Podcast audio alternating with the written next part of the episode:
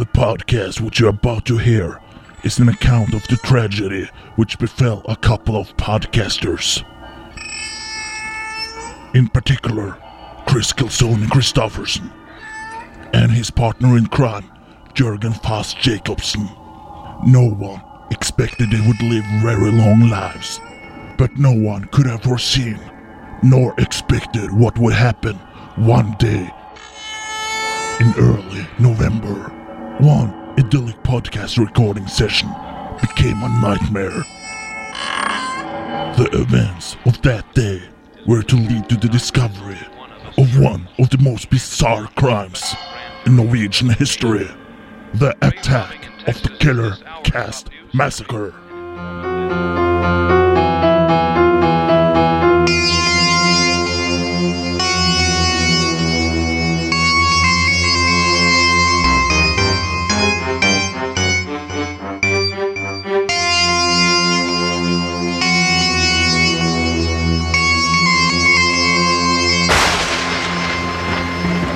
Hei og velkommen til en eh, splitter ny episode av Attack of the Killer Cast. Hjertelig takk. Bare jeg setter hyggelig. så pris på det. Og hver gang få den varme velkomsten. Du høres, Og det litt, tror jeg sikkert andre gjør òg. du høres litt sarkastisk ut. Nei, Nei. nå mener jeg det. Nå mener du det, men Ja. det har du ikke gjort før. Altså, i studio, eh, altså i studio, det vil si Chris. eh, kjellerstua til eh, Jørgen, sitter jeg, Chris Calzoni, og Jørgen eh, Foss Jacobsen. Ja, stemmer. Og vi utgjør da Attack of the Killer Cast. Og, Army. Ja, og hva er Attack of the Killer Cast, eh, Jørgen? Det er en podkast, Norges eneste trash-podkast, Mm. som snakker om uh, cheesy filmer. Uh, de andre filmene som kanskje ikke får så mye oppmerksomhet, og ikke er så mye pumpa inn av penger og, penger og gryn. Det er pumpa inn av andre ting. Ja. Kreativitet og, og lure løsninger. Og gjerne litt sensurert, ja. ikke minst. Ja, i hvert fall eh, når de opprinnelig ble gitt ut, eh, mange av de. eh, Som da de Filmene er jo stort sett fra 80-tallet, det vi snakker om. Ja. Uh, og vi gis jo da ut i samarbeid med oss selv, attackofthekillerclass.com og filmfront.no. Ja. Og i dag så skal vi snakke om uh, en jubilant. En en 40-åring. ja, en eh, film som er Det er ikke meg. Nei, det er ikke deg. Bare sånn så det er sagt. Nei, vi skal ikke snakke om uh, Jørgen the Movie, men vi skal snakke om en liten film som feires i disse dager med både kinovisning og nyutgivelse på Blu-ray og DVD. Og filmen vi snakker om, det er jo selvfølgelig Toby Hoopers udødelige klassiker The Texas Chainsaw Massacre fra 1974. What happened was true.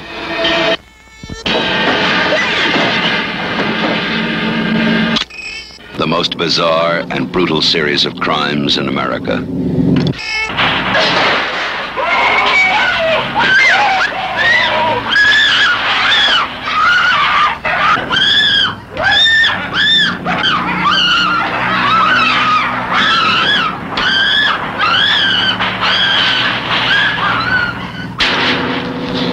Sally, I hear something. Stop! Stop!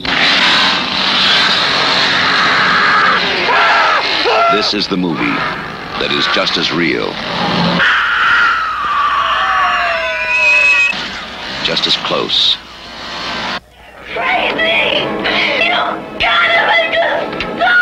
just as terrifying as being there. Even if one of them survives, what will be left? The Texas Chainsaw Massacre. After you stop screaming, you'll start talking about it. Ja, Texas Chainsaw Massacre der også. Ja, Eh. jeg trodde jo først det hørtes ut som da jeg var hos tannlegen, men eh, Ja. nå fikk jeg jo greie på at det var ikke det, da. Ja, nei, det, er- det er kanskje eh, enda litt skumlere. Ja, Uh, Texas Chainsaw Massacre, det, jeg må jo si at det er uh, det, det er jo faren, eller bestefaren til alle slasherfilmer, og det er en personlig favoritt av meg. En film som jeg syns har tålt tidens tann veldig bra. ja. Den har absolutt noe enda. Ja, og mange oppfølgere og remakes og det som er, har liksom ikke greid å gjenskape den eh, litt ugne stemninga som er i Texas Chainsaw Massacre, da. Nei, de, de fikk til noe helt uh, spesielt, Ja, vil jeg si. Uh, for den er liksom litt sånn gritty, liksom. Den virkelig, det er litt møkkete, liksom. På en måte alt er møkkete. Ja. Eh, og, og så er det mye håndholdt kamera, så det, det føles eh, Det føles ekte, da. Det føles på en måte som om man eh, er der, syns jeg. Ja, det, den har Ja. Den bruker vel mye av de samme triksa som Deodato gjorde i Cannibal Holocaust noen år seinere. At det skulle gi seg ut for å være ekte. Ja, for det ble, ble, filmen blir presentert som om det er en ekte historie, og ble vel markedsført sånn. Og, og som jeg sa, med det håndholdte kameraet og at uh, det føles ekte, da. Ja. Og mye av grunnen til at det uh, tror at uh, Toby Hooper har gjort de grepet her, er at han har jo bakgrunn fra dokumentarfilmer. Så han tar jo da med seg den realismen fra dokumentarer inn i, i skrekkfilmen, da. ja, og det funker jo Det, det funker veldig, Veldig bra. bra. Mm. Og Texas Chainsaw Massacre kom jo liksom på en tid hvor liksom skrekkfilmer Da var liksom uh, Før Texas Chainsaw Massacre så var liksom det så, beste av horror var jo Hammer-filmene, da. Og det er bra filmer, men det i en helt annen i en helt annen setting. Du, når du sitter og ser på en Hammer-film, så te, tenker du at det her er en film, liksom. For det er jo satt eh, kunne vært satt på en annen planet, for det er liksom sånn gotiske med sånne svære slott og Ja. varulver og vampyrer og det som er. Men her kom noe litt mer hands on. Ja, så det virka jo veldig ekte, og det var jo Ja, det Folk gikk jo mann av huset. Mange trodde jo det her var ekte, og folk gikk ut fra kinosalen, og den ble jo forbudt flere steder, og blant annet Norge, faktisk. Og England, selvfølgelig, hvor alt ble forbudt. Og Finland, mener jeg. Finland, og det er mange, mange land Ja. som, eh, som eh, den ble gitt ut til. Så Linus Torvaldsen fikk ikke sett den på Linus mange Torvaldsen år. fikk ikke sett uh, tekster som Massacre. massacre. Massacre. Ja. Men uh, det òg er jo litt spesielt, for når du ser uh, Texas Chainsaw Massacre i dag, så det er jo ikke en dråpe med blod eller vold der omtrent. Det er, det er mer de bildene du lager sjøl Ja. oppi hodet ditt, som liksom gjør det nasty, da. Ja, det er det som fungerer så bra, egentlig. Ja, det er det som fungerer så bra, for det er liksom det som blir foreslått Ja. skjer, liksom, off eh, camera. Så du Mm. lager jo liksom de verste scenene egentlig oppi hodet ditt, og det Og sånn blir det jo egentlig for meg også når vi i gamle dager satt og leste bøker. Ja, Da, de, de egne bildene du skaper, er jo de sterkeste. ja det er absolutt sant. Jeg husker jeg leste en uh, bok en gang da hvor det var noen som sank ned i en ubåt og sånn. Jeg, jeg følte jeg var der nede under vann, og at Ja. jeg var der sammen med de som var i ubåten. Ja, og det er jo også sikkert uh, det du sier her som er grunnen til at mange filmer som er basert på bøker, blir uh, lagt på hoggestabben av de Ja. som har et uh, veldig godt forhold til boka, da. Ja. For det er jo vanskelig å lage uh, film av en bok når fans av den boka har liksom sånn Alle har en forskjellig mening om hvordan hovedpersonen ser ut, og liksom åssen ting ser ut, og når det ikke stemmer overens med det du har gjort av på forhånd, så har folk en tendens til å bli litt gærne, da. Ja. Nei, for du har så mye bedre minner sjøl av det, og der er alt riktig, ikke sant, i forhold til Mm. filmatisering, at de kutter ut ting, bytter ut ting, slår sammen ting osv. Stemmer. Og Toby Hooper ble altså inspirert av uh, ekte hendelser da når han uh, skrev denne filmen. Blant annet er han inspirert av en seriemorder som het Ed Gein, som var aktiv uh, på 1950-tallet med å Han hadde litt alternative interesser. Ja, for han eh, Drap var jo én interesse, men en annen interesse var også å grave opp lik på den lokale kirkegården og, og lage trofeer av det. Ja. Så det er en veldig fin fyr.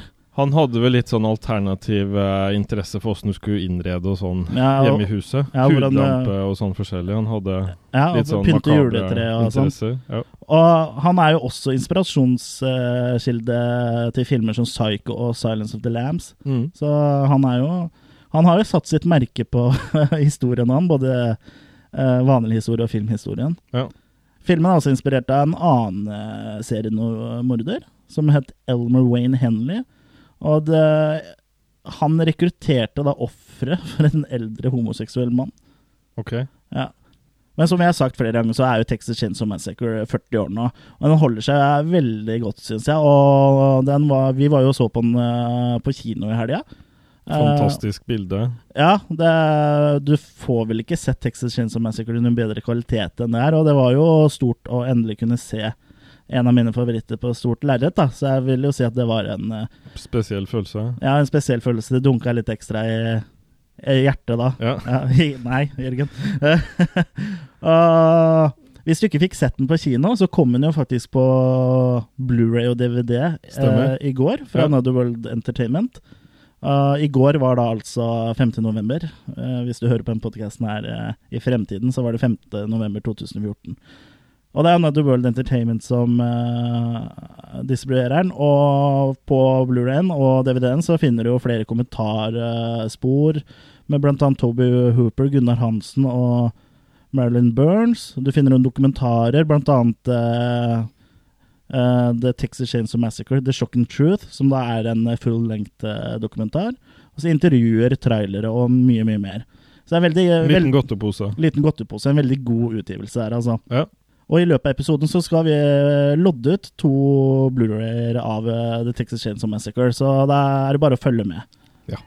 Filmen starter altså med en eh, eh, tekst eh, som eh, ruller over skjermen, og en, eh, en voiceover som forteller at det vi nå skal se, er eh, kje- skjebnen til eh, søstrene Sally og Franklin Hardesty.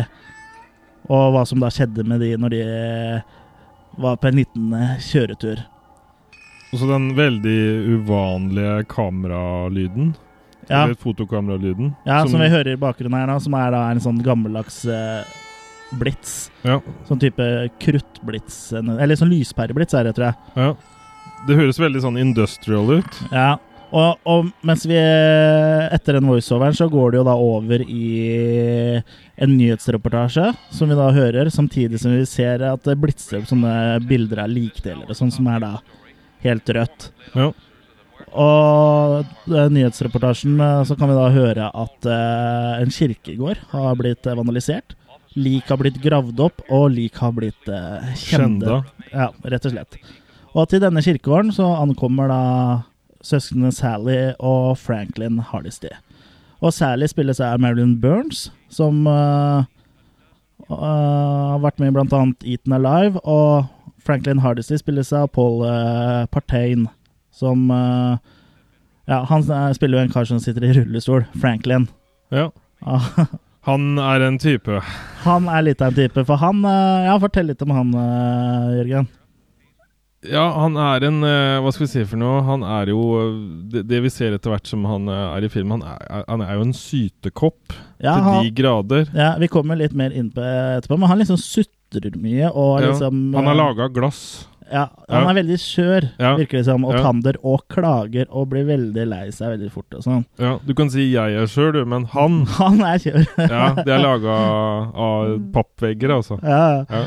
Og søstera hans, da, Sally, er sånn typisk eh, girl next door. Litt sånn søt og uskyldig av utseende, på en måte. Ja. Men som eh, i løpet av filmen som eh, utvikler seg da, til en en sånn på, Hun kjemper En tøffass. Ja, hun blir en tøffass. Som Mm. da, etter den Texas Chainsaw Massacre, har jo blitt en sånn greie for uh, slasher. da At det alltid er uh, en kvinnelig hovedkarakter som uh, liksom kjemper mot uh, morderen, da. Ja, og det er jo Og det, det vet ikke så mange, men det er derfor vi også har da kvinnelig statsminister i dag. Ja, For det, har, det har bana vei for ja, så. Erna Solberg kan jo takke uh, Toby Hooper og Texas Chains Massacre Ja. for at hun nå er uh, er statsminister. Ja, ja. Nei, men det var bare en sånn kort uh, fact. Og Siv Jensen, ja, hun kan egentlig Alle trodde hun var en mann, så det, det hun gikk inn på mannskvota.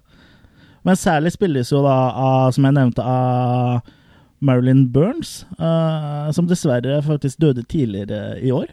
Hun ble funnet av familien i sitt hjem 5. august, så rest in peace. Ja. Det, Og hun rakk jo å bli med på uh, Blu-rayen uh, til Texas Chainsaw Massacre nå, den som eh, blir gitt ut nå på kommentatorspor der og sånn, så det er fortsatt mulig å høre hennes eh, Hva hun ja, antagelig siste synspunkt da, på denne filmen. det er nok det endelige synspunktet hennes, Ja. vil jeg tro. ja, det kommer nok ikke noe mer eh, derfra. Nei. Og sa jeg det hva de skulle? De var på vei til kirkegården for å sjekke om da grava til bestefaren til Sally og Franklin var en av de gravene som var blitt kjenda. Ja. Men de drar jo ikke alene, de har med seg flere, flere venner på den turen her. For å, ja, for å sjekke at alt så bra til med grava til bestefar. De har med Jerry Ja, og som Kirk. er ja, da La oss øh, snakke litt om Jerry først, som da er Sallys uh, kjæreste. Han uh, har jo litt sånn, uh, litt sånn fine krøller, som du liker godt. Og så har han jo åttekanta briller. Ja. Og åttekanta briller, det, det er ikke noe vi ser så mye nå lenger, Jørgen. Nei, det har jeg bestilt meg nå. Ja, du har det? Ja.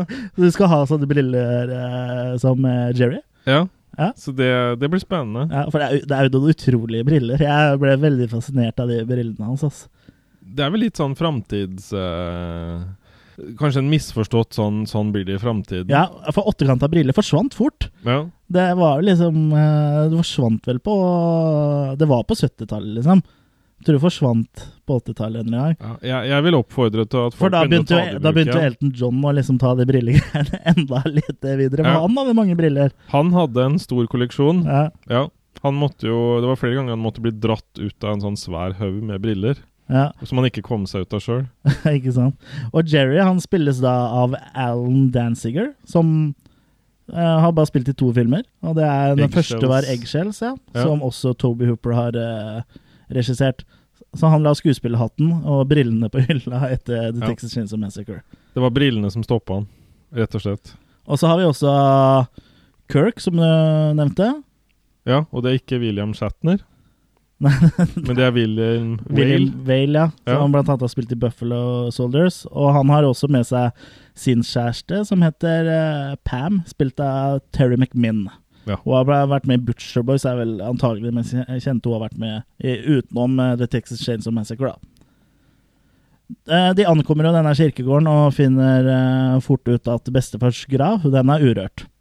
Så da, når de først er i området, så tenker, bestemmer de seg for å, å oppsøke barndomshjemmet da, hvor Sally og Franklin har vokst opp. Sjekke ut litt oppvekstene. Hvor de opp, oppvekste hen. Ja. Og på vei dit så kjører de eh, da forbi et eh, stort slakterhus, og da blir Franklin ivrig. ja. For han snakker jo da om bestefaren som drev og slakta og sånn. Ja, Og gjerne på den gamle måten. ja. ja. For eh, Som, før, eh, før så brukte de en svær slegge, ja. og nå bruker de liksom en sånn slags luftpistol slash Er det ikke en sånn sorts uh, hjelm, og så at den blir skutt pang rett inn i hodet død?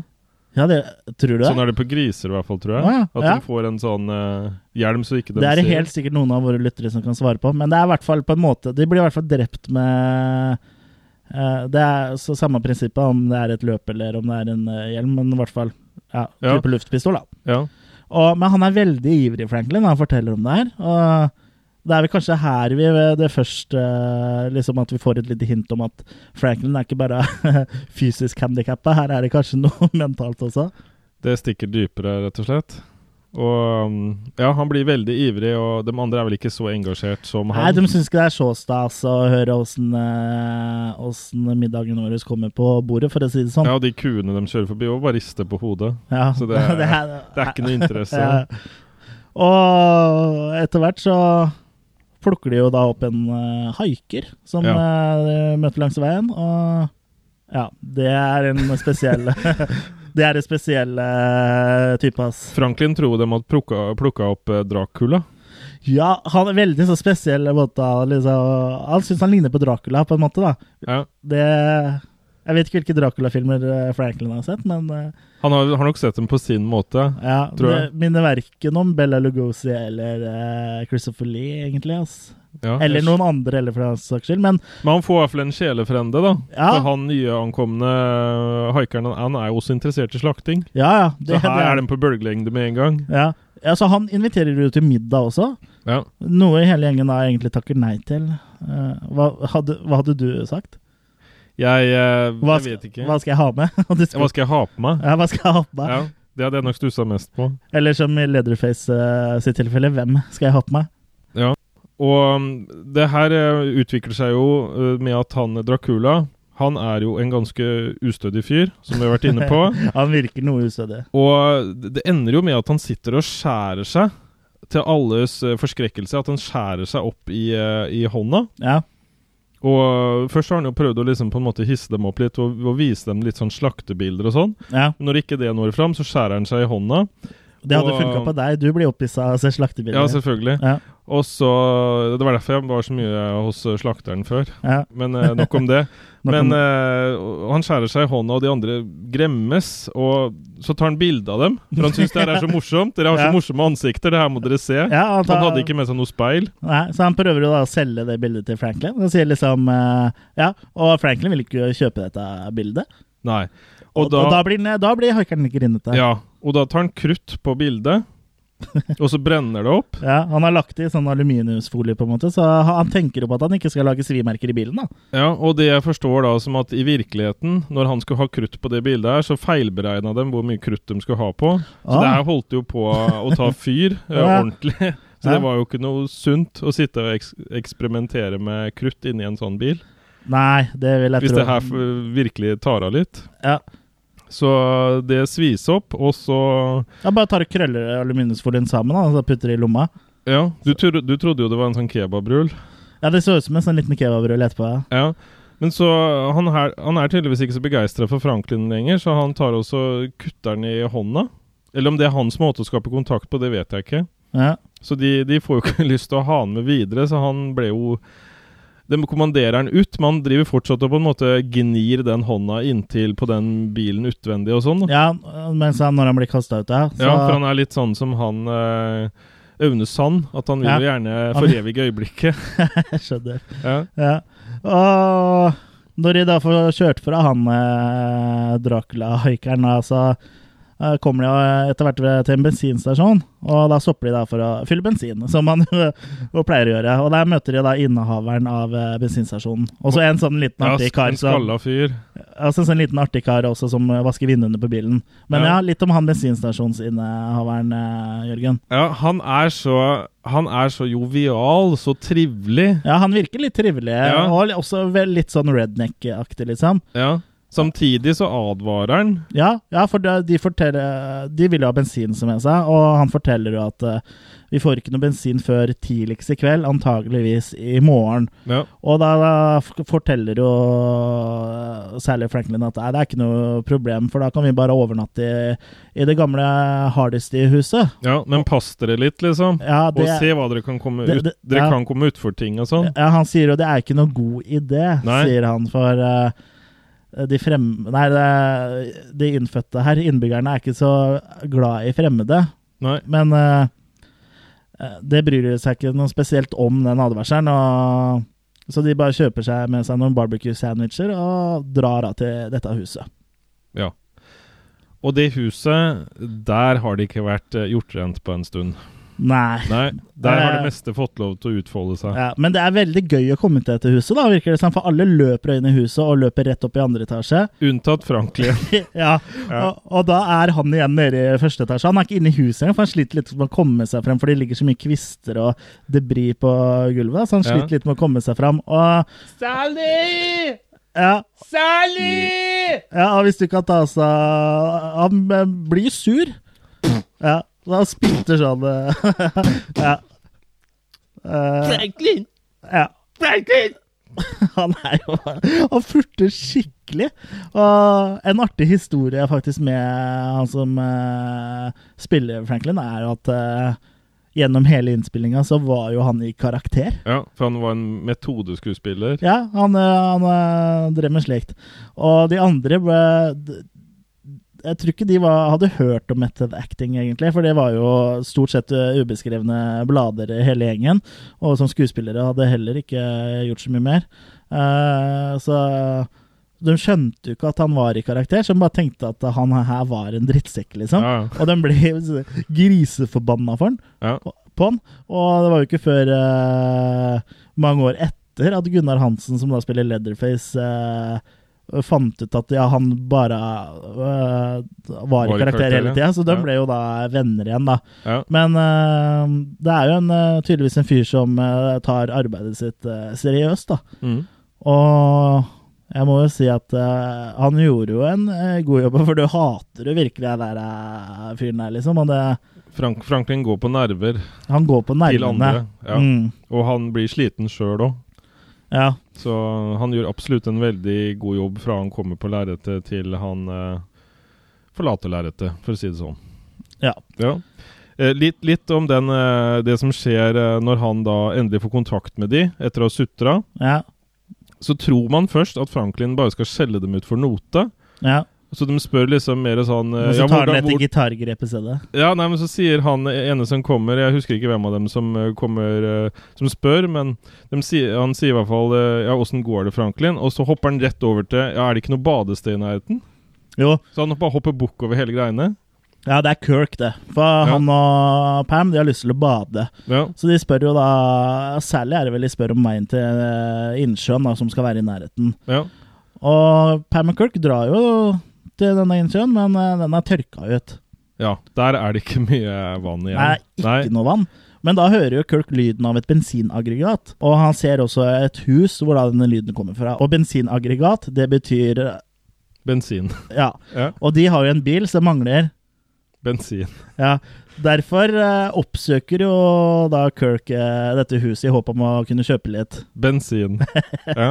Ja, Og der er det jo Det skulle den kanskje ikke gjort, Nei. uten å foregripe for mye her. Nei, og når de nærmer seg det huset, så kommer de først til et område med sånn eh, nærmest sånn skurtak over, og så er det Det ligner på fiskegarn. Ja, Som de liksom har brukt for å kamuflere det som er, er der inne. Og det er masse biler. Ja, og det, det kan jo være at de istedenfor å ha drevet inn kveg, så har de vært ute og jakta på biler, ikke sant? Så har de samla Ja. masse k biler sånn av gangen, da. Ja. Og så leda bilene inn der. Tror du det er det som har skjedd? Antagelig så er det nok biler fra det som eh, familien Leatherface har hatt i middag. de Det er siste- det, ja. ja. Oh, ja. Ja. riktig. Antagelig så er det det, for jeg, jeg tror ikke de har så stor bilsamling. Nei, Det er derfor jeg tror de også dekker det over. Det er i hvert fall sånn jeg tolka at det er uh, bilene eh, til folk de har tatt, da. Skjønner. Mm. Men Kirk eh, går jo, kommer jo fram til dette huset, og han finner jo en tann på verandaen som han prøver å skremme Pam med. Bare si sånn Er det en tann? og hun blir ikke så veldig imponert av det her, og syns det er ganske ekkelt, så går og setter seg på en sånn eh, slags huske mens han banker på døra. Eller det, det er vel ikke en huske heller, men det er sånn Det var veldig populært på 80-tallet, husker jeg. At det, det, er på en måte et sånt stativ du setter opp, så er det en sånn sofa du kan gynge på. Er det det det heter? Ja, et eller annet. Hengesofa. Hengesofa, i hvert fall. Så hun Ja. sitter på den da, mens Kirk eh, banker på. Ja, og han hører noen sånne Ja. lyder innenfra. ja, det er noen dyrelyder eller sånn. Og så Han blir da nysgjerrig og går inn i dette huset. Ja. Og han titter litt eh, rundt og ser liksom Ja, ser ikke noe spesielt. Og brått Ut av den røde døra. Så kommer en stor mann løpende mot den. En som har litt rar uh, maske, og han slår Kirk i hodet med en uh, stor slegge. Akkurat som han avliver en, en ku i gamle dager. Ja. Og det er for første gang i filmhistorien uh, man har fått sett Leatherface. Her spilt av Gunnar Hansen. for første og eneste gang, for øvrig. Og Leatherface er jo også en virker som en trivelig kar. Han virker litt sånn Hva skal vi si for noe? Enkel, på, Ja, på noe vis. Han er nok eh, sånn, eh, uten at det utforskes sånn veldig mye i den filmen, her, så er han nok eh, Det utforskes jo litt, da, men han er nok en sånn litt tilbakestående kar, tipper jeg, som kanskje burde hatt litt mer oppfølging enn det han har fått, da. Men han er jo veldig svær Ja. og kraftig fyr, og jeg, jeg tror ikke det er mange som uh, står oppreist etter å ha fått nærkontakt med knyttneven hans, eller noe annet. Han har sånne gode, fine Ja, han har veldig gode, fine sånn uh, redneck-tenner, egentlig. Ja, litt sånn puré Ja, ja, veldig pyré, egentlig. Ja. Uh, men han drar i hvert fall med seg Kirk inn i den døra, eller inn i det rommet, som du sa, og smeller liksom igjen en sånn slags ståldør. ja. Da ser det ut mer som en sånn heisdør, egentlig. Ja, eller så et fryselagerdør, eller et eller annet Ja. sånt noe. Og det var, altså, det var jo da filmens første møte med Leatherface. Og utafor så sitter jo Pam, da. Og hun Ja. blir jo litt utålmodig. Ja, hun syns han Kirk drøyer noe veldig. Ja. Og uh, da kommer en veldig fin sånn uh, kameraføring, eller hva det heter for noe. ja, når hun går til huset, ja. Ja. en liten fin kamerakjøring hvor du da ser eh, stumpen hennes. Ja, ikke sant? Det er sånn stumpeføring, for å Det kalle det det. Ja. Det er veldig kult uh, filma. Og så er det Nå skal det ikke skyves under en stol at uh, I hvert fall vi i Attack of the Killer Cast, vi vet å sette pris på en god stump. Ja. Ja. Og så Bare sånn så alle veit det også, hvis dere poster bilder av bare damestumper eh, for å promotere filmene deres eh, på gruppa vår, så blir det ikke noe utestengelse der, altså. Nei. Men eh, jeg hørte nå er herrerumper, Ja, men jeg hørte nå med, med Snapchat at eh, det har, har lekket så mye bilder der. Ja. Så nå er jo alle de uh, Alle de uh, bildene som eh, De rumpebildene vi har tatt, de har jo da Ja, ja. Så det, de kan dere finne på det Snapning. Hvis jeg bare googler det, så får, ser dere noen sånn rumpebilder med sånn Attack of the Killer Cast-tatovering på. Ja, de, de vil vi ha igjen. Ja. Ja, returner dem. ja. Ja. Så kan vi signere de, og så kan dere få dem tilbake igjen. Ja. Ja. ja de er jo bare sendt eh, mellom meg og Jørgen i, Ja, men- i god tro. Ja, for det folk tror er jo at de 50 000 bildene som er på avveie, det er jo av forskjellige personer, men det er jo ikke det. Nei, det er bare oss. Ja. Vi er 25 000 av hver av oss. Ja. ja. Så det, det var litt fun Ja. fact. Men uh, Pam går jo da inn i, huset og snubler eh, bokstavelig talt inn i ja, Jeg ville kalt det en dagligstue, men uh, den er ikke en hvilken som helst dagligstue, dette her. Nei, der er det mye fjør. Ja, og menneske- og dyrebein og knokler. Og så det svær høne, Ja. som er i sånn vanlig type sånn kanarifuglbur. Det er så vidt eh, høna har plass eh, der, si. Ja, og den, den høna, den, den er med å forsterke litt det der ekle. Ja, At den er så ja, ja. hysterisk. Ja, ja, det er jo ikke rart den er hysterisk. Nei. Ja.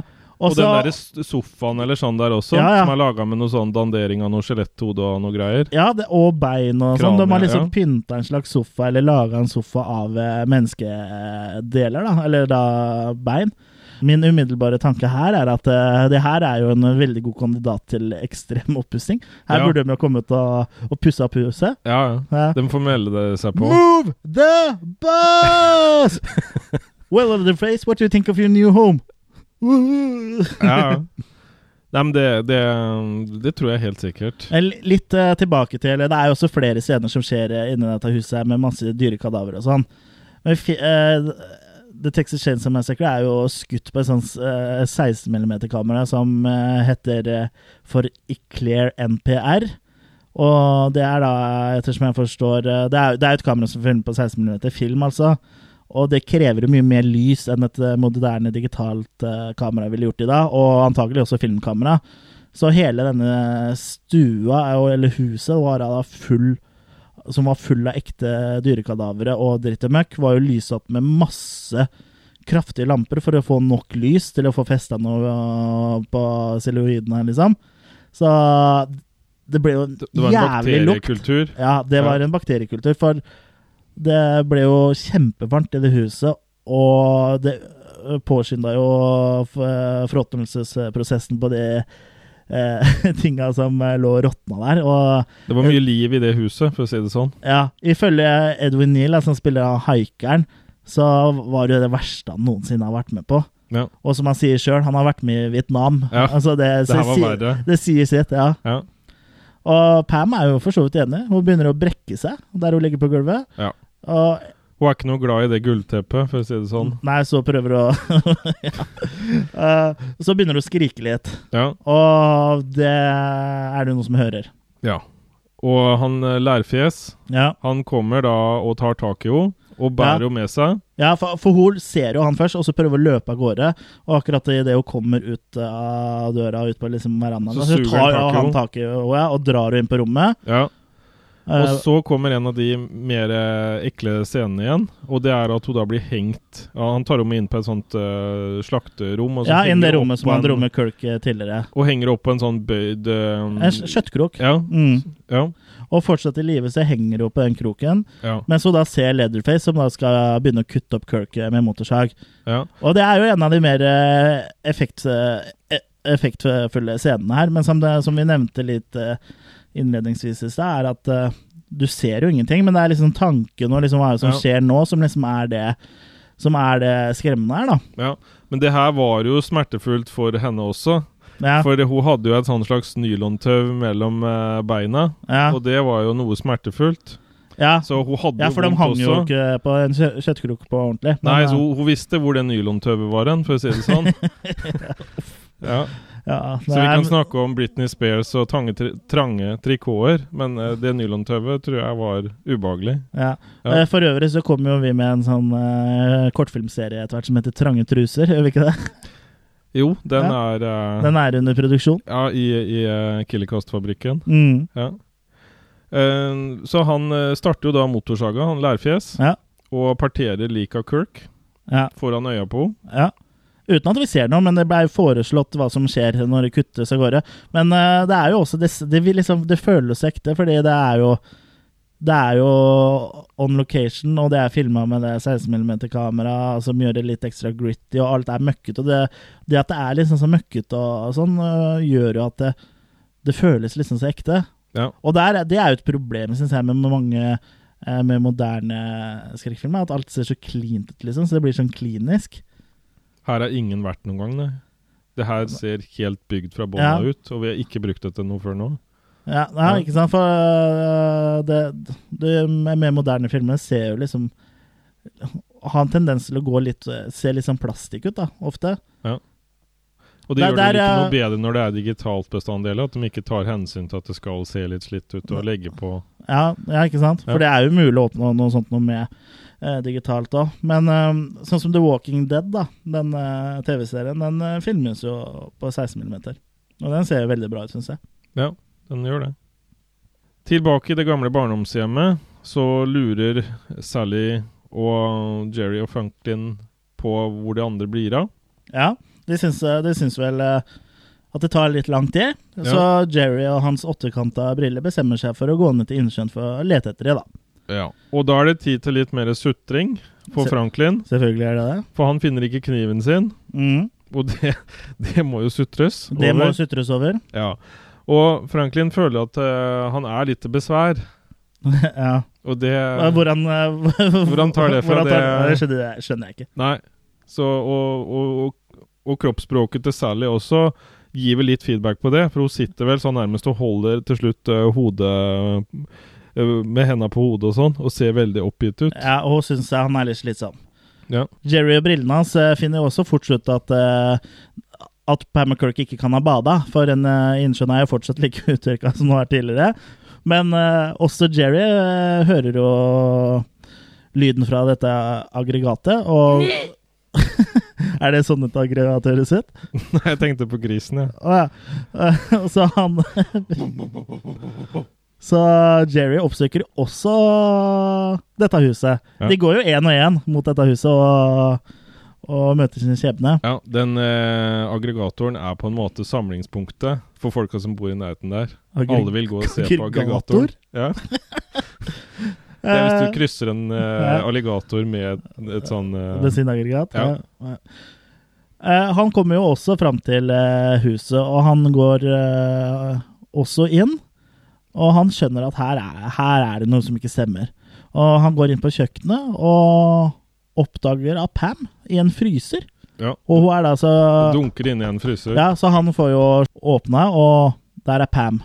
Og da ligger hun det, det ser litt snodig ut. Hun ligger helt rolig, Mm. og så plutselig, akkurat som noen har liksom trykka på play, så bare dang, Så spretter hun opp, ja. ja. ja. ja. For hun er vel nesten eh, bevisstløs, tror jeg. Ja. Uh, Det er litt sånn trål i eske. ja, det er litt trålig. Det Litt hadde vært mye mer effektfullt, syns jeg, hvis hun skvatt direkte opp med en gang hun hadde lokka opp. Ja. At vi skvatt litt. Ja. ja, Nå tenker jeg at du skal tenke at hun er død, og så liksom skvetter hun likevel uh, når hun skvetter. Ja. Men det kan hende at det ikke funka så bra. Det kan jo hende hun skvetta før hun reiser seg opp. det kan hende. Ja. Og idet Jerry skal prøve å dra Pam ut av fryseren, så kommer jo Leatherface stormende igjen og slår eh, Jerry i hodet med slegge, og låser da Pam inn i fryseren igjen. Og nå virker jo Leatherface noe forvirra og løper frem og tilbake og titter ut av vinduet. Han virker litt sånn eh, litt irritert over at, han, eh, at det stadig kommer liksom fremmede. Da. Det, er, det er ikke noe han setter pris på. Jeg tror det er husfreden han Ja. reagerer litt på. Ja, det ødelegger litt for han. Ja. Ja. Og jeg må jo si at jeg syns Gunnar Hansen gjør en, eh, gjør en bra jobb eh, i å portrettere Leatherface. Ja. Jeg tror ikke det hadde blitt det samme uten han. Nei. Han eh, eh, For å faktisk For å researche til eh, rollen, så så har besøkt sånn, eh, en skole for de med spesielle behov. Så Leatherface er jo litt mentalt tilbakestående. Det er jo der Ja. han liksom har henta, Mm. henta inspirasjonen eh, fra, da. Og Ja. det, jeg syns jo det, det funker. Mm. Eh, Leatherface gjør liksom på en måte bare som han egentlig får beskjed om, eh, tenker jeg. Og det er jo det som er så viktig i den lavbudsjettfilmen her. At Ja. det er gode skuespillere som klarer å bringe noe til skjermen. Ja, for eh, uten uh, bra skuespiller, så faller du helt gjennom. Jeg må jo Ja. si at nivået på skuespillerne her er eh, ganske bra, Ja. altså, selv om det Ja, jeg tror det er er viktig. Mm. Så der, der har den vært veldig heldig med casting og, og sånn. da. Ja, At han har hatt en feeling, han Ja, eller ikke heldig, men gjort en uh, god jobb. Ja. Men det, det dimmes jo mot uh, at det blir natt her. Ja, det har blitt mørkt. Og nå bestemmer Sally seg for å gå og se etter de andre, for eh, de syns det tar lang tid. Men det her syns Franklin er en dårlig idé. Ja. Og han vil heller stikke av, ikke sant? ja. Og, men så viser det at eh, Jerry hadde nøklene til vanen, da. Så de får ikke kjørt av gårde. Nei, de pælter og Jaha. får ikke noe kontakt. Ja, Franklin uh, tuter jo på hornet som den uh, det dusten han er. Og uh, Sally hun begynner bare å marsjere i retning innsjøen. Mens da Franklin sier man, 'Ikke la meg være alene!' Jeg begynner å rulle etter Ikke sant? Og blir jo med eh, med henne, da. For han eh, ah, Han tør ikke være igjen alene. Nei. Skjønner jeg godt. Og før de egentlig rekker å komme For de går jo videre fra innsjøen mot eh, huset, men før de kommer til eh, huset, så møter, blir de jo møtt av Leatherface. Ja. Og han har planer for Franklin. Ja, det er vel noe vi alle kan sette pris på. Det Ja. er ja. han eh, Ja, hva gjør han? Han eh, kutter den opp. Ja, Vi får ikke se det, men vi skjønner det. ja, du ser han kjører eh, motorsaga i brystet til Franklin, og Franklin eh, ruller ut av filmen. Praktisk talt. Han Ja. ruller vel ned en bakke, tror jeg, baklengs. Så det, det, det begynner Så Så, her- egentlig her- måten han kommer inn på i filmen, og Ja. måten han avslutter, er egentlig den samme. Ja, ja. Han ruller av gårde. ja, ja. Ja. Så her var, her eh, var det litt sånn eh, applaus eh, når han forsvant. Sally blir jo reagerer jo naturlig ved å løpe bort fra det der, og hun da løper da Kanskje ikke i den beste retninga, hun løper da mot huset og slenger igjen døra etter seg og løper opp i andre etasje. Ja. Og rett bak er jo Leatherface, som da sager seg gjennom døra. Ja. Eh, hvorfor han ikke bare åpner den, er vel eh, ikke så lett å vite, men eh, Han syntes det var greit å sage. Antagelig så har han glemt nøklene, eller så er han ikke helt sikker på hvordan, hvordan en dør fungerer. Men, Holdt ikke du på sånn en tid hvor du mista nøkkelen til bilen og huset ditt òg? ja, men jeg hadde alltid med motorsaga, Ja. så jeg sagde meg inn. Det ordna seg? Ja, og på bilen da, så sagde jeg meg inn i bilen, og så sveisa jeg igjen på innsida. Ja, ja. Mm. Praktisk. Og Sally kommer da opp i andre etasje og løper inn i et soverom der oppe, og Og der er bestefar og bestemor. ja, og bestemor er død. Ja. Eh, vært død en stund. Og det tror hun bestefar er òg. Ja, men du ser så vidt at det er bitte litt antydning til livet her, tror jeg. Men han er, er nok ikke langt unna. Nei. Leatherface kommer jo Uh, opp i andre etasje, han også, og jager henne. Og, Og Sally hopper ut av vinduet i Sally- andre etasje. Ja, hun hopper ut av vinduet og løper gjennom skogen til hun kommer til eh, bensinstasjonen. Ja. Og der møter du kameraten din, eh, Jørgen. Ja, der er han uh, skøyeren, Mm. for å si det sånn. Den Ja, gamle mannen. Han har vel ikke noe navn i den filmen her. Han har, får jo et navn senere i Texas Chainsaw Massacre 2, men uh, her så heter han da innehaver av bensinstasjon. Han står registrert på gule sidene. Ja, innehaver bensinstasjon. Ja. Ja. Og han prøver jo i utgangspunktet å liksom Ja, slapp av nå! Ja. Ro deg ned! Ja, det, det her ordner seg. Han eh, virker jo behjelpelig, han, eh, og Leatherface er jo borte. Ja. Han fulgte ikke etter henne inn i en bensinstasjon. Nei. Og så skal han eh, gamle mannen da bare ut og hente noe i bilen. Og Mm. han kjører fram bilen. Og Ja, for- i, i den tida som går imellom der, så ser hun inn i en sånn der åpen Grill, ja. eller noe sånt. Ja, Og det ser jo ikke så veldig Det ser veldig menneskekjøttlignende aktig ut. ja men grilles samtidig, inne. samtidig så liksom reagerer du ikke noe spesielt på det, så jeg er litt sånn usikker på skal vi Skal vi få et hint? Skal vi få et hint? Skal vi tenke det er menneskedeler, eller skal vi ikke det, eller eh, Ja, jeg er litt usikker. Men når mannen da kommer inn, så viser det seg at han har ikke rent eh, mel i posen, han heller, for han eh, har jo med tau, og, Og Sally skjønner Og strisekk. Ja. Og Sally skjønner jo fort at eh, At han her er ikke ute etter å hjelpe. Nei. Og han uh, angriper da Sally, mens Sally beskytter seg med en uh, kjøkkenkniv. Ja, og Men han- der ser vi at sopelimet vinner Ja, i de fleste uh, ja, fighter. ja fortell. Ja, for han, han har jo da en sånn et sopelim som han da på en måte greier å slå den kniven, litt lange kniven ut av hendene på. Ja, Og pluss at han driver liksom og slår på med den helt til hun på en måte blir liggende der. Han greier å få litt sånn eh, Så hun ikke er så veldig med lenger. ja. Og han eh, driver jo og slår litt på eh, med den også når han har uh, pakka sammen og lagt henne i bilen, og så driver han og poker litt på, Ja, ja, ja. på mens han eh, kjører mot eh, huset til Leatherface, for han bor jo også der. Ja.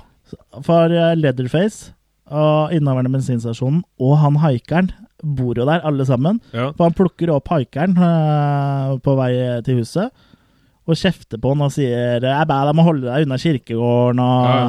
Slutt og liksom kjefter litt på han. da. Så det er jo han haikeren da, som har vært eh, kjent av den grava som vi uh, Som uh, var i starten av filmen, da. Og når den gamle mannen skal ta ned et tak, så Mm. driver han jo og så slår han med noe. Og det ikke han gamle mannen var klar over, var at han slo haikeren sånn at han egentlig fikk vondt. For han hadde fått tak i en propp som på en måte gjorde mer vondt enn det han skulle. Så når Ja, han reagerer der, han haikeren, Mm. så er det at det faktisk gjør vondt, sånn som jeg skjønner det. ja, ikke sant? Så det, det, det fortalte han etterpå, da. At Mm. det gjorde faktisk kanskje ikke så veldig godt, det du, det du gjorde der. Men da får jo skuespilleren noe veldig konkret å reagere på, da. Ja, du, du trenger ikke spille så mye. Nei. Eh, men de tar også binder eh, Inne i huset så tar de og binder særlig fast til en stol, og tar av strisekken. Og i det så ser jo hun haikeren, og haikeren ser hun, og kjærlighet oppstår. Nei, ikke kjærlighet. De kjenner hverandre igjen, Ja. og han liksom begynner å le litt, og særlig skriker. Ja. Og da er det på tide med en av de beste scenene i hele filmen, egentlig. Vi henter bestefar. Ja, ikke, eh, ikke helt ennå, men det er jo i den scenen. Nå er det familiemiddag, og Sally er guest of honor. Og rundt bordet da, så sitter jo da disse tre karene, og Leatherface han har jo pynta seg litt ekstra på Ja, han er transe. Ja, for han har, har tatt på seg kjole Ja. og har sånn har eh, sminke. Ja. Så han eh, De er jo De er jo Altså, han har jo sminke alle. på den uh, maska som er laga av menneskehud, da. Så Ja. Ja. Nei, for haikeren og eh, transen er jo Mm. brødre. mm, Men jeg er ikke helt sikker på hvem han gamle mannen er. Om han er onkelen deres, eller hva han er for noe. Jeg tror det er noe onkel eller noe fetter, eller kanskje han både er onkel, fetter og nevø. Jeg Ja, vet ikke. Det At er, det er litt innfløkt. det er jeg ganske sikker på at det er. Ja. Men for å toppe det her, da. Nå når de sitter ved middagen, Ja, hva, hva, hva kan bli bedre nå? ja Tenker du bestefar? Ja. Jeg ikke forgrip deg på det enda, for det er nå en del eh, Forgrip meg på bestefar. Nei. ja, jeg led veien. Ja. ja, de tre her sitter og spiser, mens Sally sitter eh, knebla i stolen og ser på.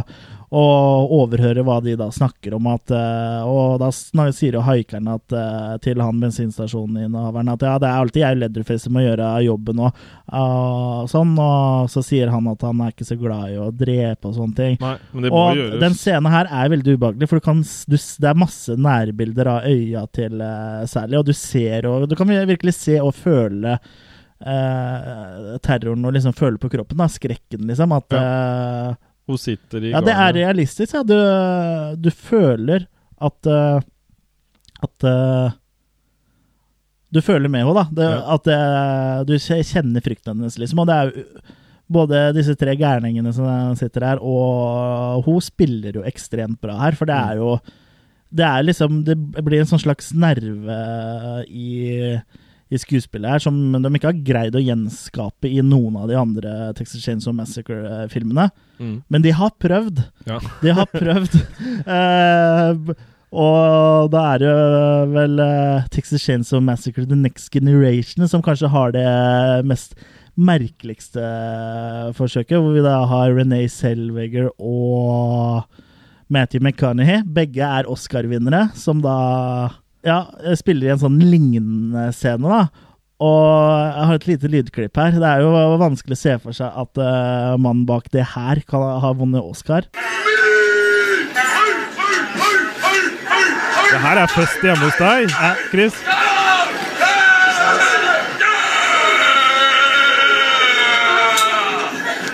Ja. Det var forrige helg, det her.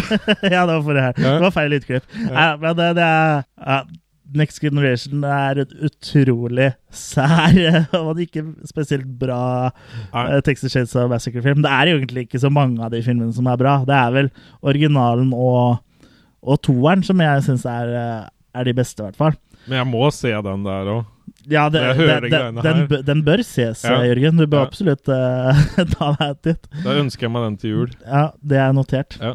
Men uh, tilbake til middagsscena. Ja. Ja. I virkeligheten så varte jo hele den middagsscena oh, ja. i 20-30 Ja. timer. Ja, for grunnen til det er at bestefar, som de da henter ned til bordet, er jo en ung mann. Ja, Han Hæ? er jo 20 år yngre enn han gamle mann, er det ikke noe sånt? Mm. Ja. Men han spiller likevel bestefar, og han er, eh, har på seg masse sminke Ja. og lateksmasker og alt mulig. Og han skjønte med alt det her jeg skal ha i trynet og bli sminka. Ja, og hvor lang tid det tok. At Ja. det her gidder jeg ikke gjøre igjen. Fire eller fem timer tok det vel å få Ja, det på. Og det er ganske vanlig, egentlig, det, men Ja. han her gadd ikke det, da. Nei, Så da Og i og med at det er lavbudsjett sånn, så kunne vi liksom ikke Det blir liksom litt som en amatørfilmproduksjon. Da, at liksom Ja, da må vi bare eh, eh, gjøre som han sier, liksom. Vi kan ikke bare si 'du har sparken' og hente inn noen andre, nei. tydeligvis. Uh, så da filma de hele scenen, som du sier, på eh, 20-30 timer. Ja, Kontinuerlig. ja. Og der inne var det jo også ganske høy temperatur. Ja, som, som vi nevnte og- tidligere, ja. så uh, det er satt eh, Det er jo det, det er jo helt utrolig. Ja. Tenk deg å sitte der i 20-30 timer og liksom lukta av bare larvene som kryper ut av dyra, Ja. all mulig drit. Og takket være denne fantastiske innsatsen, at skuespillerne var villige til å ofre alt det her, Mm. så har vi jo fått nettopp en så bra scene. Ja, det er jo Og som løfter filmen videre ja, ja. mot slutten. ja, det er fantastisk. Ja. Og det er en, eh, som jeg sa, en nerve i hele scenen som uh, ingen har greid å gjenskape uh, siden, altså. Uansett hvor mye Matthew, Matthew McCarney prøver. Eh, men som sagt, da. Bestefar skal jo få gleden av å slakte Sally, i og med at han er en gammel mesterslakter, som han haikeren kan fortelle. Men han vil først ha en liten smak. Ja, så han får jo en liten eh, De gir jo bestefar en liten smak av blodet hennes ved å kutte henne i fingeren og liksom dryppe noen dråper Ja. blod i munnen til bestefar, som det da slurper dette i seg. Så, Ja, det, her, det minner litt om Jackass, egentlig. Han derre ene Grandad, eller ja, Ja. Du kan ikke unngå å tenke litt på han. Nei. Så, men i hvert fall det som var litt spesielt her, de fikk ikke til ordentlig det når de skulle kutte henne i fingeren. Nei, det At stemmer det det. skulle komme ut blod. Ja. Så da kutta de henne faktisk i fingeren. For å, ja, få, for å få litt blod. Det er ikke så mye blod, men ja, de gjorde det. Så bestefar fikk the real thing her. Åh, deilig. Ja. Ja. Men uh, de forteller jo også at eh, bestefar han var den beste slakteren som var oppdrevet i gamle dager, når de da drev og slakta med med Ikke med luftpistol, men uh, med slegge. Men det her Det her er jo sikkert et par hundre år sia. De gir jo bestefar en hammer, og så knyter de løs Sally, da. Så tar han haikeren og holder henne fast med hodet over en bøtte. Ja, Mens da bestefar prøver å slå inn eh, hodet hennes med hammeren. ja, Og det er ikke så eh, lett. Nei. Bare det å holde hammeren er egentlig en utfordring for bestefar. Ja, Bestefar har ikke den kraften lenger. Nei, så Det her er veldig morsomt når hun driver og kløner og holder på å prøve å få bestefar til å holde den hammeren og slå Sally. Og han får jo inn et lite slag, men, ja. eller to, men det er ikke noe sånn særlig Hun får vel litt eh, Litt sånn rødt merke i ja. hodet og blør litt. Rann. Ja, Og det her var jo bare en sånn lekehammer, Ja, ja. så det måtte legge på etterpå lyden når den traff noe. ja, For den var jo helt ufarlig. ja. Det er jo en vanlig måte å gjøre det på. Ja. Uh, men haikeren, da, han blir jo litt uh, utålmodig. Og det er han som da holder Sally, så han uh, prøver å ta hammeren fra bestefar for å liksom gjøre det her ordentlig. Og da utnytter jo Sally det øyeblikket her og løper mot vinduet og hopper ut av det. Jeg lurer på om Sally er i slekt med Jason Voorhees. Ja, For hun er veldig glad i å hoppe gjennom vinduer, akkurat du, du som lar, han. Du, lar- du lar aldri en mulighet til å hoppe ut av vinduet gå fra deg, Nei. for å si det sånn. Ja, for der hvor Sally er glad i å hoppe ut av vinduer, så er jo Jason Voorhees veldig glad i å hoppe inn. Ja. Ja. Så her har de eh, kanskje noe å snakke om. Ja. De møtes på gamlehjemmet. Ja, de er veldig glad i vinduer. Jeg tror faktisk de var med og utvikla Windows eh, sammen med Bill Gates. Ja, ja. Eh, og det som var, det var jo da en stunt som selvfølgelig da hoppa ut gjennom det vinduet. Men idet det klippes da at hun på en måte skal lande på bakken, så mener jeg at jeg leste at hun skada seg. At hun traff et eller annet, eller Ja, at hun hun greide å skade seg. Og det er litt sånn bra. Selv om du har en stunt, så greier du å skade deg. Ja, ja, selv om du har en stuntmann. Ja. det kan jo være at hun brakk en negl eller et eller annet. Da. At det var noe sånt. Ja, eller virka foten eller noe, sånt noe. Men ja, hun eh, virker jo som en hardhaus. ja, virker som en hardhaus. Så det må jo være noe Ja, Jeg var skada. Kanskje vrikka foten eller noe sånt. Noe. Men uh, hun får i hvert fall stikke av, og Leatherface og haikeren er jo hakk i hæl. Spesielt haikeren. Ja, han Og- har veldig gode Mm. Så de eh, løper etter. Haikeren med en kniv, og Leatherface med motorsaga si. Og som jeg nevnte, så er haikeren veldig nær å få tak i henne, men han får bare tak i håret hennes eh, litt innimellom og får revet av noen sjofser av det, da. Ja. Men han er jo så Han er jo så inni det her. Med å, han ser jo bare henne. Mm. Så den trucken som kommer, er han jo ikke like oppmerksom på. Nei, for Sally får jo løpt mot eh, veien her, og så kommer en stor semitrailer som eh, kjører rett på haikeren. Han får seg en trøkk. Han får seg en eh, Ja, han får seg en trøkk. Ja. Og sjåføren av traileren går da ut for å se hva som egentlig skjedde. For å se om han har fått noen skader på bilen, sikkert. Fylle ut sånn skadeskjema og sånn. da. Eh, og blir møtt av en blodig og skrikende Sally. Ja. Og bak uh, henne igjen så kommer Leatherface med motorsaga si. Han skjønner at det her er ikke noe vanlig lek. Nei, Her så er det sikkert noe alvorlig. Leatherface tar da og jager uh, sjåføren og Sally rundt traileren. Da mangler du bare den der Benny Hill-temaet, egentlig. Og så går de sånn fort-film. Ja. Men uh, Han jager dem ikke så lenge, da, men uh, for han sjåføren Han uh, har jo en skiftenøkkel som han vet hvordan han svinger, og den svinger han i, da, i ansiktet på Leatherface, rett i læret. Ja, og da skjærer jo lærfjeset i beinet. Ja, for han detter jo til bakken, Ja. og motorsaga mister han jo da, og den sager han jo beinet, som du sa. Og det her er jo eneste gangen i filmen vi faktisk ser noe gore. Det er veldig lite, da, men du ser jo liksom blodet hans. Ja, med unntak av da Sally blir prikka i fingeren, så er det liksom eneste sted i filmen vi ser noe blod, egentlig. Ja. Eh, sjåføren, han eh, er ikke noe helt. Han Nei. stikker av nedover veien. ja. Og Sally hun greier ikke å holde følge, for hun er litt skada. Sånn. Men så kommer det en sånn pickup eh, kjørende.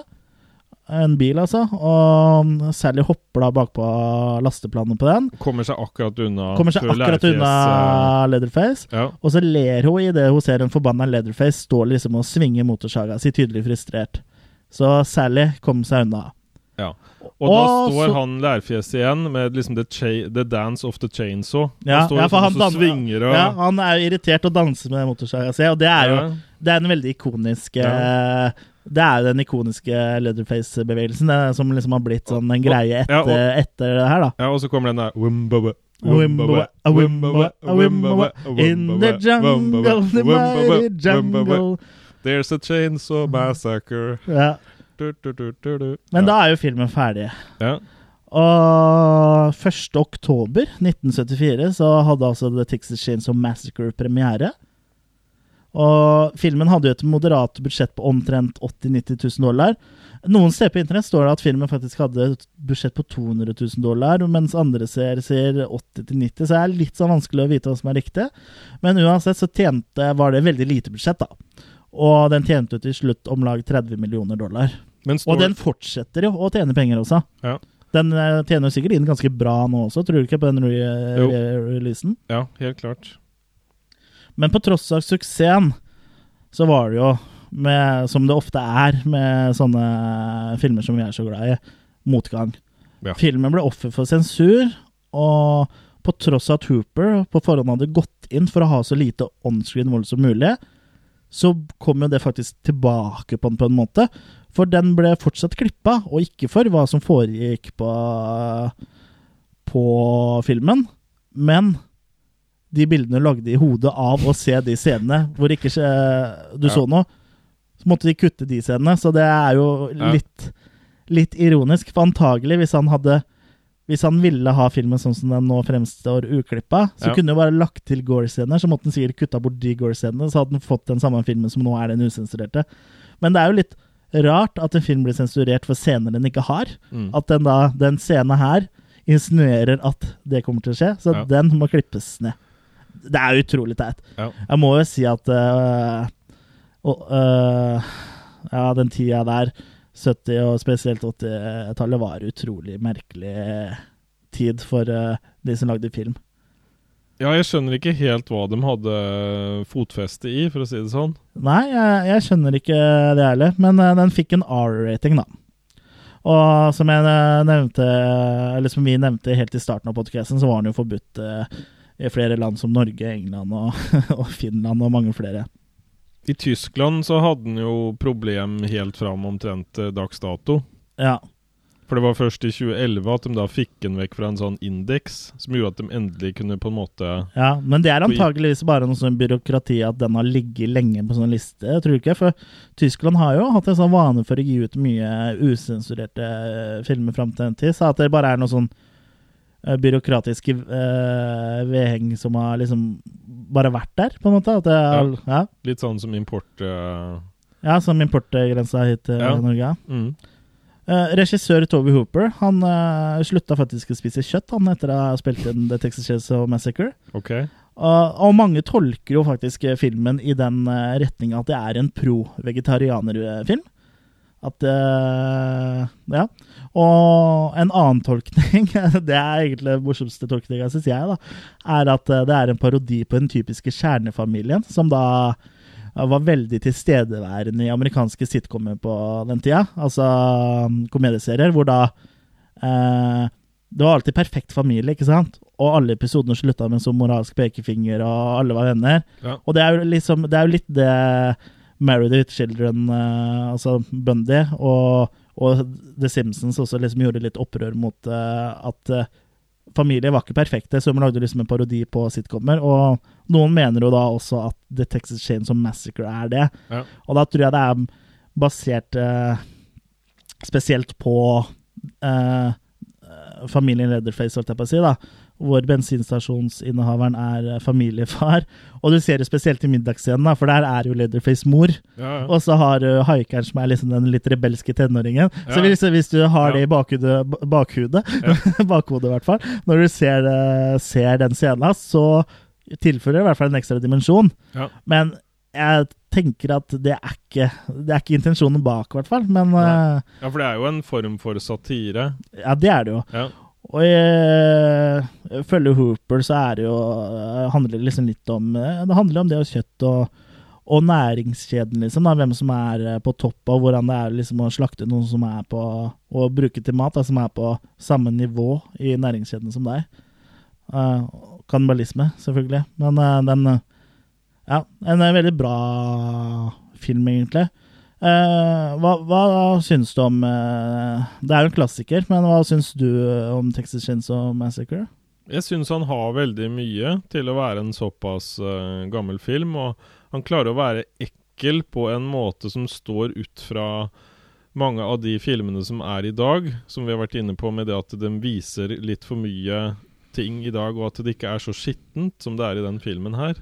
Ja, ja og da mener vi ikke eh, vise for mye ting som viser vise for mye gore, men de liksom Noen moderne skrekkfilmer har en sånn eh, lei greie at du må overforklare ting. Ja. liksom sånn, Oi, det er litt rart at liksom han greier å være der og der. Ja, da må vi forklare det. Ja. Og hvorfor er han en sånn syk morder? Nei, det må vi forklare.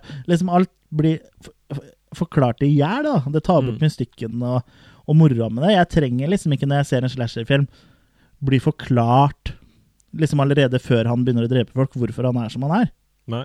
Det er li- litt jamført med Halloween-remaken òg. Der er det liksom eh, dokumentar om eh, Michael Myers før han eh, liksom er voksen og drar og, til Haddonfield for å drepe familien sin. Ja. Men jeg tror det er litt sånn, i hvert fall for en del, så så tror jeg det er litt sånn som det var for, for langt tilbake, at vi, det her med mytologi Ja. og det her, at det er litt mer sånn mystikk rundt ting. Mm. Ja, jeg, jeg, jeg vil ha det mer sånn. Mm. Ja, Jeg, jeg tror de liksom undervurderer uh, seerne litt. Altså. At folk, er, folk kan ikke være så dumme. Nei. Da, Så med, vår, vår, med den fantasien vi er utrusta med, mm. så syns jeg det er bedre å spille litt på lag med den. Ja, men antagelig så gjør de jo sånt, for det er jo stort sett remaker som kommer nå, og antagelig gjør de det bare så alle skal greie å skjønne hva som skjer. Ja.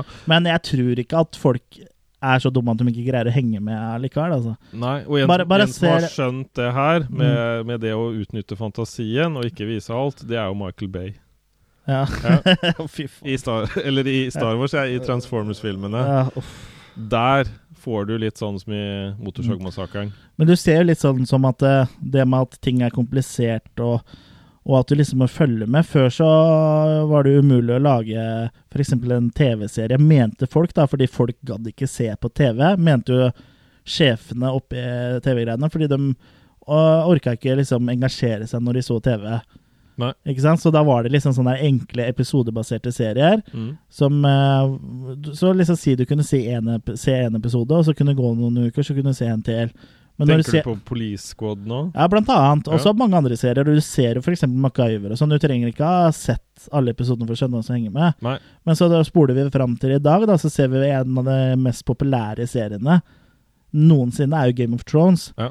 Og den må du være opplagt for å se. liksom. Du kan ikke se den uh, bakfull omtrent, for det, der må du følge med. Men det Mm. er jo uh, veldig populær serie, og det er jo nok et bevis på at uh, folk fortsatt har uh, det i seg at de kan greie å henge med på ting. da. Så jeg, jeg er litt sånn lei av at de skal drive for dumme filmer, da, og spesielt uh, filmene som vi er så fan av. Ja. Og apropos fordum, fordummende Fordummende filmer. Fordømrede filmene. Det kommer jo antagelig flere Texas Chainsaw Massacre-filmer også. Det vil jeg tro. Ja, det har jo kommet mange, og det har kommet en remake og en oppfølger til remaken som er helt begredelig, som heter Texas Chainsaw 3D. Mm. Uh, og så har vi selvfølgelig Next Generation, som du nevnte, og det er, det er jo en hel del. Og eneste oppfølgeren jeg syns er noe spesielt å se på, er eh, eh, The Texas Chains of Massacre 2, som Toby Hooper uh, har regissert uh, den også, med Dennis Hopper i hovedrollen. Den syns jeg er veldig bra. Ja. Den skal du ikke se bort ifra at vi kommer til å snakke om i en, en kommende episode av Attack of the Killer Cast. En kommende episode nær deg. En kommende episode nær deg. Men det er jo ikke så lenge siden at det ble eh, Noen rykter begynte å versere om at eh, det skal lages en, at det skal lages en prequel av eh, The Texas Chainsaw Massacre. Som da tar for seg oppveksten til eh, Leatherface. Og det her er jo litt med det vi snakka om i stad, at ting ikke trenger å bli forklart i hjel. Så da antar jeg Og det er snakk om at det skal følge de tunge pubertetsåra til Leatherface. Så Ja. da ser jeg for meg liksom at han blir mobba på skolen av jenter fordi han ser litt annerledes ut og sånn. Og ja, Eneste måten å takle det på, er antagelig å drepe folk. Jeg vet ikke. Men Toxic Avenger er jo laga allerede. Ja, Ja, så vi- det er ikke noe vits i. Men her og tenker at åh, jeg har ikke lyst til det her. Nei. Antagelig tenk, kommer de til å prøve å dra det mot at det er liksom synd på Leatherface, liksom. Jeg er veldig spent på åssen han gjorde det i sløydtimene. Ja, der gjorde han det sikkert veldig bra. Eller uh, han, er, han virker ikke som en sånn feinschmecker. Ja, men han han, er god på sløye, sikkert. Ja. Mer enn sløyd. men han virker ikke som en sånn feinschmecker når han sager ting, liksom. Det virker som det er bare sånn uh, Jeg tror ikke han kunne lagd en sånn skulptur, liksom, med saga si. Nei. Men uh, du, Jørgen. Ja. Hei. Hei. uh, som vi nevnte tidligere i podkasten, så har jo lytterne en mulighet til å vinne Vinne to stykk Blu-ray. Ja. Én hver, altså. Så det er to vinnere. Eh, kan da vinne Texas Chains of Massacre, eh, 40-årsjubileumsutgaven fra Another World Entertainment. Og det eneste man trenger eh, for å kunne være med i trekningen av eh, denne filmen, er å svare på følgende spørsmål. Hvilke to seriemordere var eh, Toby Hooper inspirert av da han skrev manuset til Texas Chainsaw Massacre? Svaret finnes i den episoden. Vi snakka om det litt tidligere. Tror du at du har svaret, og har du lyst på en eh, Blu-ray, så send svaret ditt til leatherface at attackofthekillercast.com. Fint? Mm. Nå er det sånn, Jørgen, at det er en helt spesiell måned på attackofthekillercast.com. Vi kjører slash Vember, Ja, stemmer. så det vil si at uh, denne podkasten har jo antagelig allerede skjønt handler om en slasherfilm. Neste podkast handler også om uh, slashere, for da skal vi eh, ta for oss uh, hele fredag den 13.-serien. Absolutt alle filmene, fra den første til Jason X-remaken, skal vi snakke om. Det er helt sant. Det er helt sant. Ja. Og vi får uh, aldri så liten gjest i studio. Eller han er ikke liten, men uh, Det kommer en gjest Ja, som skal da Vi har den med en eske. vi, vi har den med en eske. Ja. Så han skal da hjelpe oss uh, gjennom disse filmene. da, Sånn, så, Gubben i lådan. ja. Ja. så ta og hør på oss da. Men frem til neste gang så er det bare å følge oss eh, på sosiale medier. Vi er på Facebook, og vi er på?